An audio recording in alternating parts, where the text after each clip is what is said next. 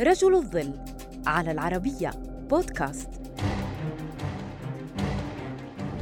كان من أشد المتحمسين لامتلاك السوفييت لسلاحها النووي وأسهم في إنتاج القنبلة الهيدروجينية ثم تحول إلى أحد أكبر أعداء السلاح النووي ودفع ثمنا كثيرا لإعلانه آراءه فما هي قصة أندري ساخاروف الذي عرف بأبي القنبلة الهيدروجينية؟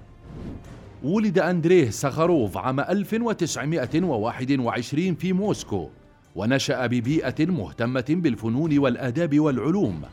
فوالده ديمتري ساخاروف كان مدرسا للفيزياء ومؤلفا لكتب علمية ومناهج مدرسية كما كان عازف بيانو محترف.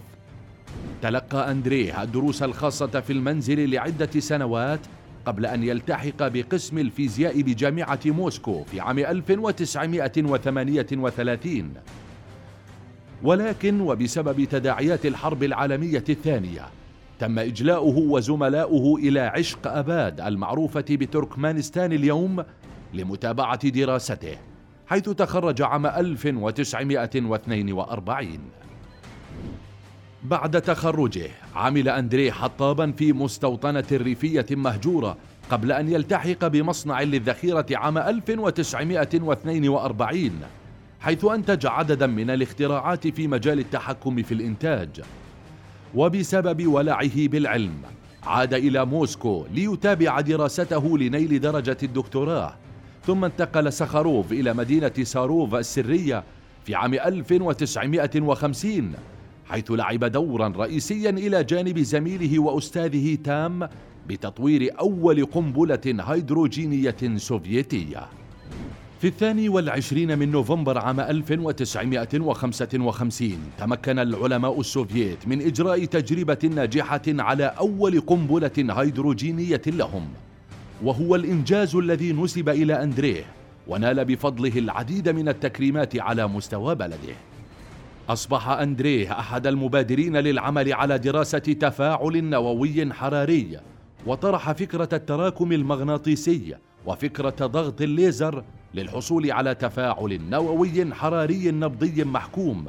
كما ألف العديد من الأوراق البحثية في علم الكونيات وأوراق حول الجسيمات الأولية ونظرية المجال. مع الوقت أدرك أندريه خطورة السلاح النووي على البشر. فبدأ يدعو إلى وقف التجارب والأبحاث حول الأسلحة النووية والتحق بركب حركات الدفاع عن حقوق الإنسان ليتحول من باحث ومخترع للقنبلة النووية إلى معارض لها. أما ما زاد الطين بالله فهو المقال الذي نشره في عام 1968 والذي حمل عنوان تأملات في موضوع التقدم والتعايش السلمي وحرية العقل. نشر أندريه مقالاته وآرائه في صحف كبرى وكان لها صدى كبيرا لدرجة أنه طرد من برامج الأبحاث النووية. كما حصل على جائزة نوبل للسلام في عام 1975 لكن وبسبب متابعته لنشاطه المناهض للسلاح النووي تم نفي أندريه دون محاكمة إلى مدينة غوركي في عام 1980 حيث مكث تحت مراقبة الشرطة وتدهورت صحته كما قام بإضرابات طويلة عن الطعام.